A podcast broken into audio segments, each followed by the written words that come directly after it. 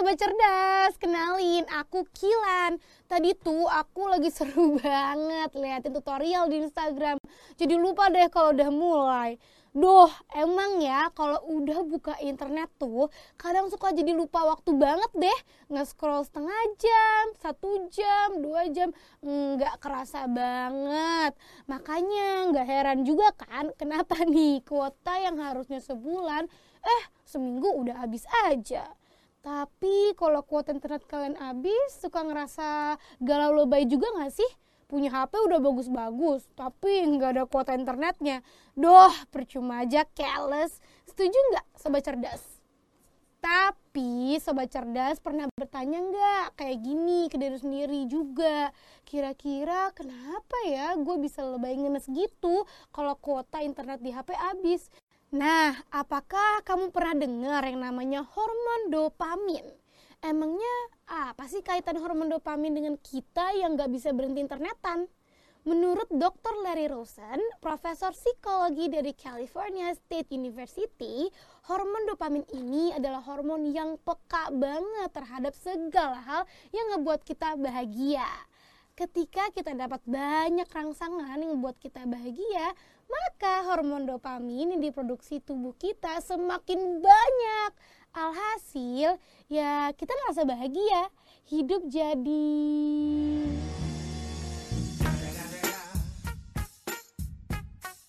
Jadi kalau misalnya kita seneng nih karena followers nambah di Twitter atau pas buka Instagram ada bejibu notifikasi likes, DM, komen, maka di situlah produksi hormon dopamin yang bertambah sehingga kita ngerasa bahagia dan kita jadi pengen terus menerus terkoneksi sama internet.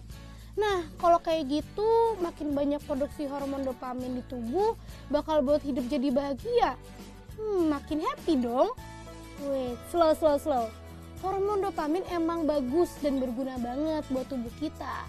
Tapi takarannya itu harus banget pas. Enggak lebih, enggak boleh kurang. Emang sebenarnya berapa lama sih orang Indonesia itu terhubung sama internet perharinya?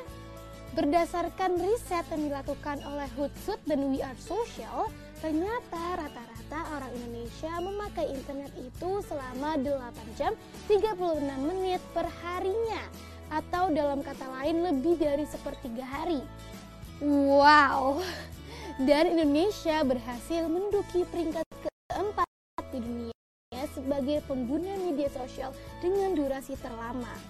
Nah, ternyata Sobat Cerdas, berdasarkan survei penetrasi internet yang dilakukan APJI atau Asosiasi Penyedia Jasa Internet Indonesia tahun 2017 di enam wilayah besar di Indonesia, jumlah pengguna internet di negara kita ternyata sudah mencapai angka 143,26 juta dari total populasi penduduk Indonesia yang berjumlah 260 juta jiwa.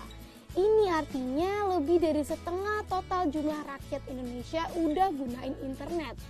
Oke, sekarang kita kan udah tahu ya kalau kita emang sehobi itu sama yang namanya internetan. Dan karena emang di internet juga kita bisa sebebas itu. Eh, tunggu deh. Emang beneran bisa sebebas itu ya?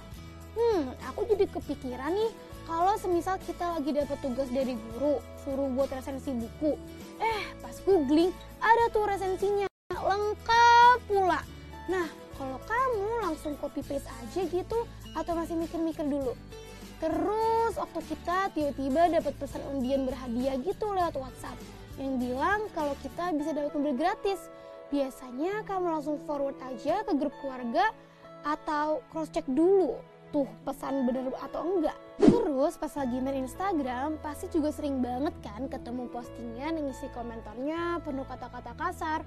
Pernah mikir nggak apa sih bahayanya buat kita? Terus kalau komentar julid di sosmed itu gimana? Nah kalau itu udah banyak banget kan kasus gara-gara komentar julid bisa bikin sampai seseorang dipolisikan.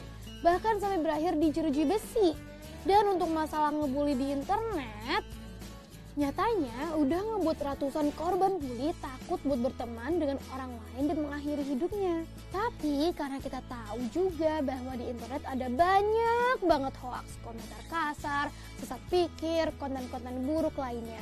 Makanya kita perlu banget melindungi diri kita sendiri dan orang-orang yang kita sayangin dengan cara gunain internet yang lebih cerdas dan bijak. Sekarang pilihannya ada di kita. Mau jadi internet sebagai alat yang berbahaya atau bermanfaat? Dari tadi sih sebenarnya aku udah siap banget buat belajar bareng sama kamu di video-video berikutnya. Kalau kamu, makanya yuk kita cerdasan pintar berinternet.